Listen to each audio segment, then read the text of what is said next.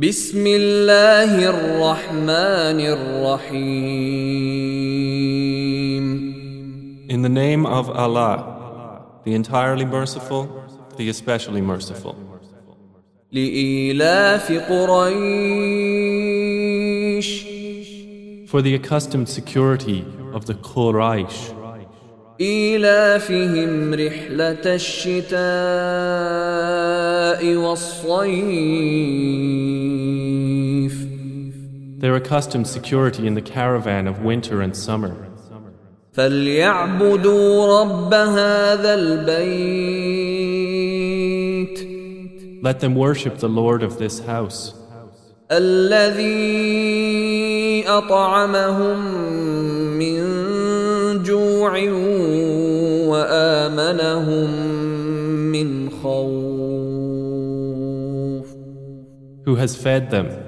saving them from hunger, and made them safe, saving them from fear.